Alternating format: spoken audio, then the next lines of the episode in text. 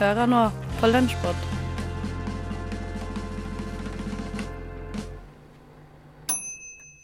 Din foretrukne oppsummeringspodkast Lunsjpod her fra Radionova, hvor vi gir deg noe av det som ble sendt på Radionova i uke seks. Jeg heter Stine Spjelkavik Hansen. Og jeg heter Ådne Feiring, og aller først skal vi til Vitenselskapet. For Concorde-flyene de hadde en marsjfart på over 2000 km i timen.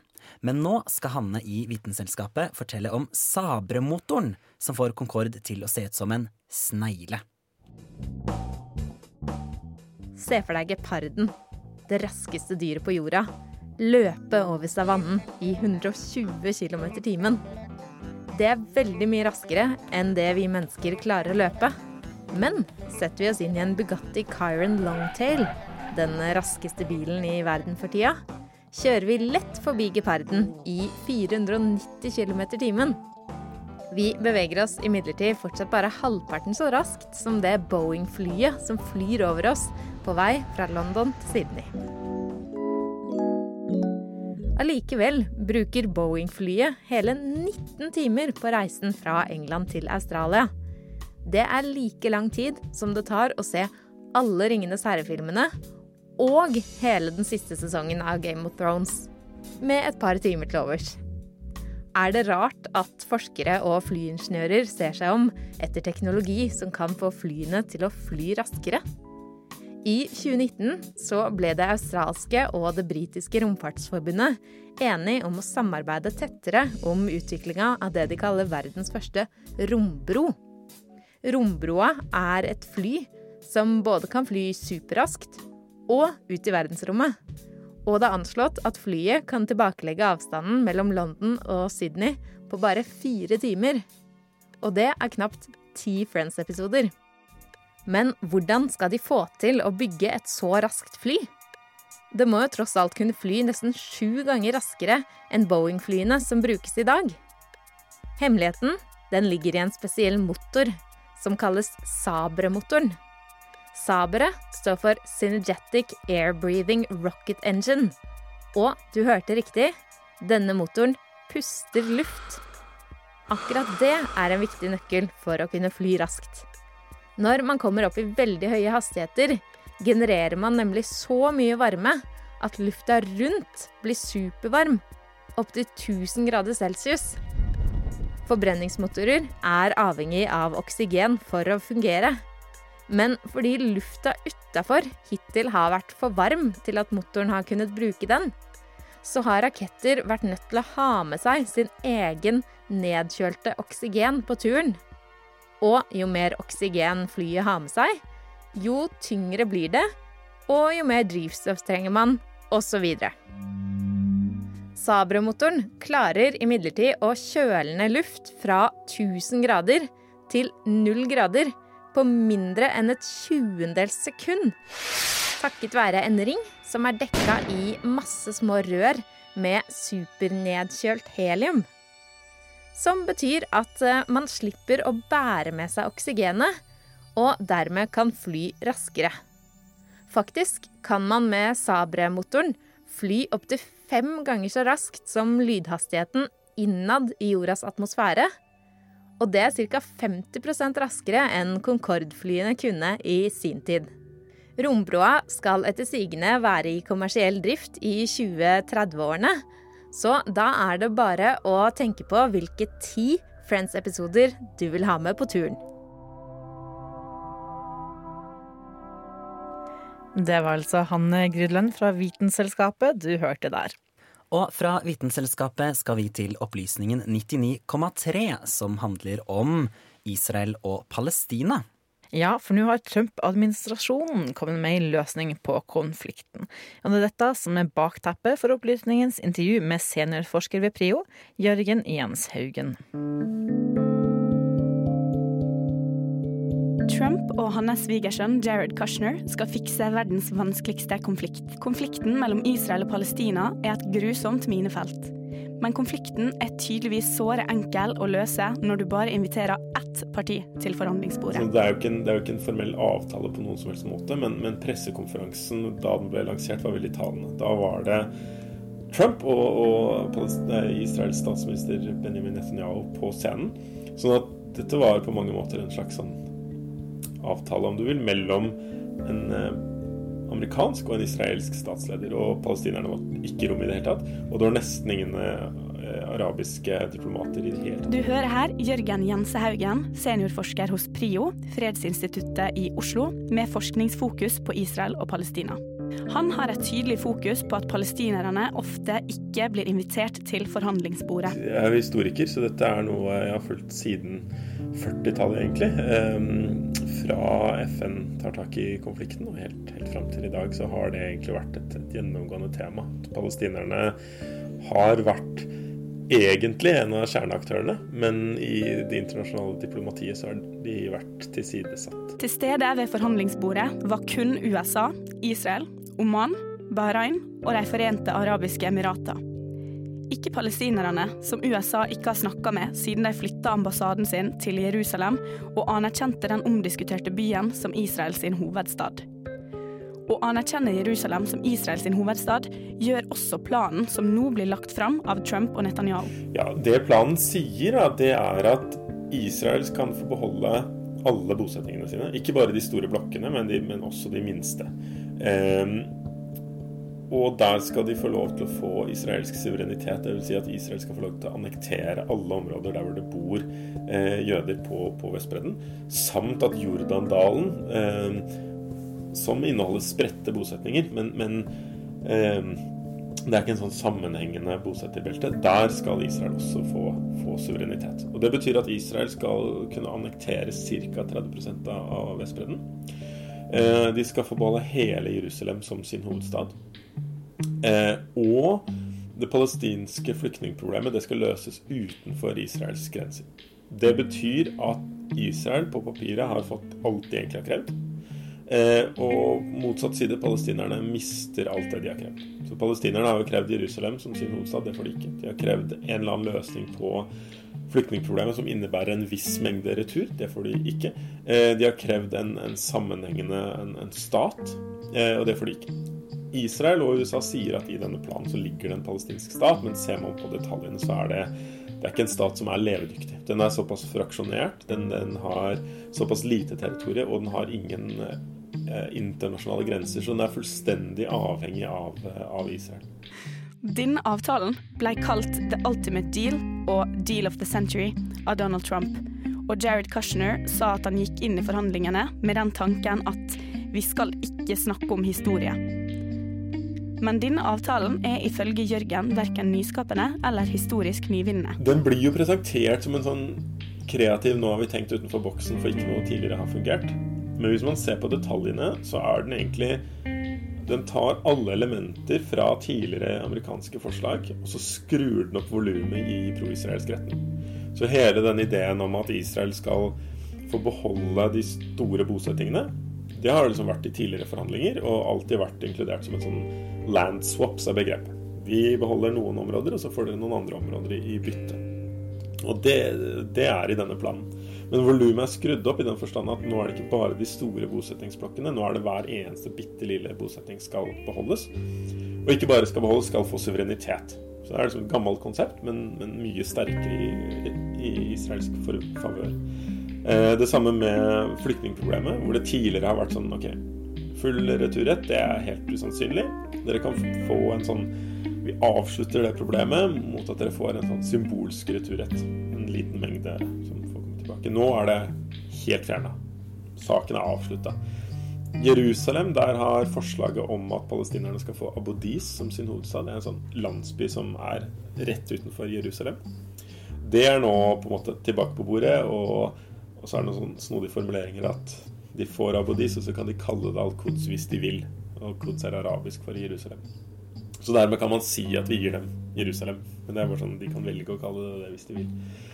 Um, så det er på en måte Man tar gamle ideer, og så bare kjører man de sterkere israelsfavør og svekker palestinernes. Og den nevnte historieløse inngangen later tilsynelatende til å ha vært temmelig ensidig. Men, men eh, for å være litt mer alvorlig, så, så, er det jo sånn at de historiske kravene, det er de palestinske kravene. Vi vil ha vi vil ha tilbake kontroll over Jerusalem. Vi vil at flyktningene som flyktet i, i 48 og 67, skal få komme tilbake. Um, vi vil ha tilbake det landområdet vi mista i 1967. Mens for Israel så er det nåtiden. Der, der er de i favør. Vi har kontroll over 50% av Vestbredden. Vi har hele Jerusalem. Eh, palestinske flyktninger er ikke her nå. Bak dette intervjuet vi hørte et utdrag fra her, har vi opplysningen 99,3 ved Sebastian Hagel, Tone Hafsås, Sander Zakaria og Trym Fjellheim Karlsen. Vi liker vel alle en god tulletelefon, og det er akkurat det Hedda serverer oss i frokost når hun får med seg mora si på å tulle med faren sin. Jeg har eh, besøk av min mor i Oslo akkurat nå. Eh, og i går så var vi og spiste middag og fant ut at ok, vet du hva, nå skal vi ha det litt gøy. Nå skal vi tullringe til pappa. Eh, for vi har blitt eh, fortalt at vi høres ganske like ut og ser ganske like ut, så ofte så blander folk oss to. Så derfor tenker vi OK, mamma, du ringer fra min telefon og sier at vi har krangla, for han visste at vi skulle spise middag. Så skal vi si OK, eh, du, jeg skal ringe og late som du er meg, og si at jeg har forlatt restauranten fordi jeg er så sur på mamma. Um, men ja, så, så, vi gjorde det, da. Vi satte på sånn eh, restaurant background noises på høyttaleren hjemme i stua. Eh, og hadde skrevet manus, og så ringte vi. Så da kan vi høre første forsøk, da.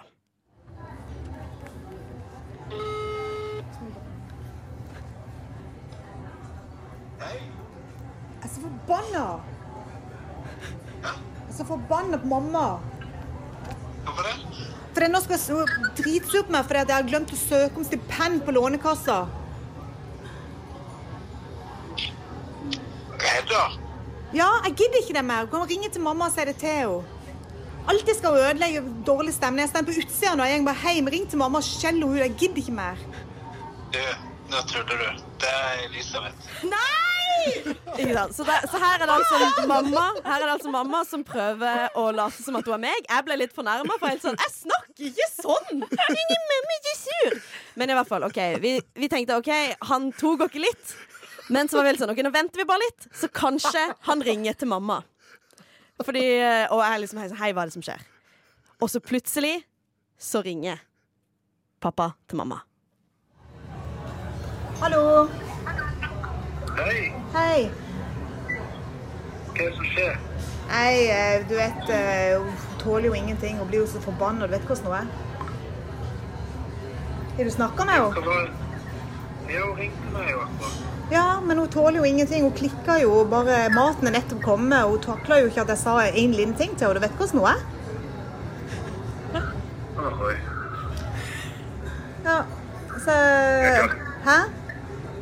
Dere kødder med meg nå? Nei, hva da for noe? Dere bare maser. Hva er det du tenker på? Altså, Helt seriøst, jeg gidder ikke dette her med Hun klikker jo for ingenting. Du vet hvordan hun ender jeg maser på om noe. Og det eneste jeg sa, var det at hun måtte rekke å søke på Lånekassa, og så hadde hun glemt det, og så er fristen gått ut. Nei, fristen går ikke ut for 15. Ja, Hun sa i hvert fall til meg at fristen var gått ut, og så sa jeg bare til henne ja, men herre, hvordan skal du klare det da? Og så skal hun reise til utlandet, og så er hun ikke det kan være at det er en annen frist da på utenlandsstudiet. Jeg vet ikke. Men det er bråker så mye her på den restauranten. Jeg hører jo ingenting. nesten. Nei, Hedda ringte meg, så Eller jeg trodde det var deg, da. Ja. Hva er det hun sa? Nei, hun la på. La hun på? Jeg Ja, for jeg sa kødder du? Er det Elisabeth som ringer? Så. Ja, det var jo veldig lurt av deg. Da klikker hun jo i hvert fall. Hvis ikke du gadd å høre på henne. Hæ? Hva sa du for noe? Jeg tror dere kødder nå. Ikke sant? Så nå begynner han liksom å falle litt for det. Nå begynner han å tro at det faktisk var meg som ringte første gang. Så derfor så venter vi i 20 minutter, og så ringer jeg for det siste nådestøtet. Jeg digger at Atlan sier ohoi. Pappa, God bless him. Men ja. Hei. Hei, du, jeg vil bare si at når jeg ringer deg og prøver å komme med et problem, så er det fryktelig, fryktelig frustrerende når du bare ikke tar det seriøst. Ja, men Hedda, Ja? var det du som snakka? Ja, det var, det var det. Og vet du hvor frustrerende det er når folk ikke tror på deg når du snakker? Ja, jeg skjønte jo det. Ja, Men, men det, nå hører jeg det men i stad mener jeg at det var Elisabeth. det var jo meg. Når jeg, jeg har gått hjem med nå. Hva var det du Ja, men herregud, Hedda. Du, du, du kan vel spise paner med Nei, jeg, jeg spiser ikke med henne. Herregud, altså.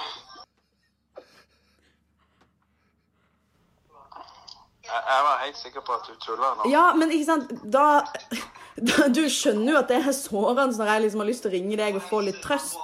Eller i hvert fall hjelp eller noe. Og så, men, ja, men hva er det du skal hjelpe til, da? Jeg vet ikke hva jeg skal gjøre. Fordi at, eh, herregud, Dere må jo kunne spise voks som dør. Dere er jo begge voksne personer. Om, det kan du, det er kan du godt si til mamma heller. Ja, men du er jo voksen, Hedda. Nei, men mamma er, er eldre enn meg. Hun er eldre enn deg, men dere er jo to voksne personer. så du er på mamma sin side? Nei, jeg er ikke på noen sin side. Jeg bare sier at eh, hvis du har glemt noe, så må du ta ansvar for det. Det er jo ikke noe vi kan ta ansvar for. Dette her er bare noe vas. Ta nå heller og spis og kos dere istedenfor dette her tullet her. Ja, greit. Herregud. Det var, altså, er det bare tull, altså? Du, det var mamma du snakka med? Var det det? Ja. Helvete, altså. Så typisk. Men eh, du, forresten, alt dette her blir tatt opp, så vi kommer til å sende det på radio. Nei, for helvete, da. Jo, men det skal vi.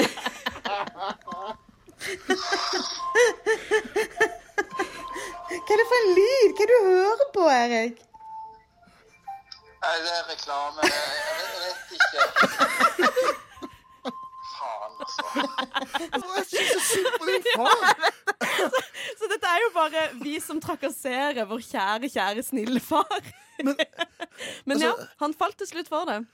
Men altså, det, det, var, det var du som snakka på den del nummer to når du utga deg for å være mor, eller var det mor? Da var det mor. Så det var mor. Så det var bare første telefonsamtale Fordi, som det var da var tenkte mamma. jeg at nå, nå, nå imponerer Hedda altfor mye. Ja, Fordi syns du var god. Ah, ja. eh, Nei, poenget er i hvert fall at vi til slutt klarte å få han til å tro at den første telefonsamtalen var meg. Men det var en lang vei dit. Men altså, for en fyr. Han er verdens beste mann, men litt for lettlurt. Jeg lo så jeg grein da jeg hørte dette første gang. Og det var Hedda Ovidia Stølen, Christian Fjærmeros og Sigrid Solund Haugen som ga oss tull og tøys i frokost. Men du, Ådne, eh, hvordan var det igjen? Eh, husker du gikk på plassen utenfor her en gang og snakka om at det ikke var snø i Oslo? Og at det ville vært historisk hvis det ikke snødde i januar? Ja, det stemmer det. Ja, husker rett. Men så snødde det plutselig litt i januar likevel. Ja, så da tror jeg bare vi setter over til radiotjenesten. Onsdag 5. februar snødde her i Oslo etter en ganske snøfattig januar. Tjenestemann Kristiansen, du er ute i streeten for å rapportere om konsekvensene. Det stemmer. Jeg er ute på gata. Her holder vi the real. Men å holde det real har ikke vært så lett etter at det onsdag snødde i Oslo for eh, kanskje første gang dette i tiåret. Jeg husker ikke helt om det snødde i januar. Ja, det lå snø på bakken, men snødde det? Jeg er usikker. Jeg står her nå med en som har vært utendørs hver dag siden snøfallet. Hva heter du? Jeg heter Pansy Lenosi, Pansy Lenosi. Hvordan har dette snøværet påvirket deg? Å, det har vært kaldt. Jeg har vært nødt til å finne frem stillongsen og dunjaka bare for å komme på jobb. Ja, fordi du går til jobb. Stemmer ikke det? Ja, det stemmer, og det er jeg veldig glad for. Det var jo sikkert helt kaos med kollektivtrafikken etter at det snødde. Men nå har jo det meste smelta. Bare asfalten har det, men det er jo på grunn av bilene som har kjørt der. På gresset er det fortsatt masse snø. Jeg må jo gå med store, varme støvler om jeg skal gå på gresset. Men da er jo spørsmålet skal du gå over gresset? Grr, ikke på vei til jobben, men kanskje når jeg går tur med hunden på ettermiddagen. Ikke sant. Og helt til slutt, eh, hva jobber du med? Jeg er uh, frilansmenneskelig maculator for kontor hvor maskinen har streiket. Hovedsakelig spesialisert i taler. Hovedsakelig spesialisert i taler, ja, det er spennende. Tusen takk til deg, Pansy Lenosi. Men denne karen har et annet syn på snøfallet som traff Oslo by tidligere denne uken. Hei, hva heter du? Jeg heter Igeg Igig Peatbutt. Igeg Peatbutt. Du er nemlig positiv til den nå gamle nysnøen. Det stemmer. Jeg har jo veldig lenge fryktet global oppvarming. Jeg mener, Jeg har lenge håpet eh, at det var bare oppspinn fra folk som ville at jeg ikke skulle kjøre bil og spise kjøtt, som om det hadde påvirket dem uansett. Men eh, når det i hele januar, selveste vintermåneden, ikke snødde en eneste gang, så vidt jeg vet, hvor var jeg? Jo, når når det ikke falt sne i januar, holdt jeg nesten på å tro på klimahysteriet. Global oppvarming, tenkte jeg. Om noen år kan det jo hende at jeg ikke kan stå på ski i hagen lenger, tenkte jeg. Må jeg begynne å skru av lyset på rom jeg ikke bruker, tenkte jeg. Men uh, nå som det snør så sent som februar, da kan det jo ikke være så varmt som uh, klimafanatikerne påstår, eller hva? Februar er jo også en vintermåned. Ja, men uh, Igeg, det er jo vær, ikke klima. Kall det hva du vil. Jeg kaller det bevis på at jeg kan fortsette å fylle diesel på doseren. Diesel på do... OK. Eh, til slutt, hva jobber du med, Igeg? Jeg er uh, app-investor. Kult! Kjenner du Silicon Valley? Uansett, her kommer mitt siste intervjuobjekt. Hva heter du? Anders Bernies. Anders Bernies. Mm. Hyggelig å hilse på deg. Eh, Kjapt spørsmål. Snøløs januar, men i februar? Da! Ja, det snør, det liksom. Hva, hva, hva er greia? Enig. Hva jobber du med? Jeg leies inn i uh, barnebursdager for å gjøre etterligninger av eh, Trump. Det var Sivert Kristiansen og resten av radiotjenesten du fikk der til slutt i Lunsjpod for uke seks. Men hvis du scroller litt oppover eller litt nedover, så finner du flere episoder av din favorittpodkast Lunsjpod. Mitt navn var som sagt Stine Spjelkvik Hansen. Ja, det var det, og mitt navn det var Ådne Feir. Vi høres igjen eh, neste gang.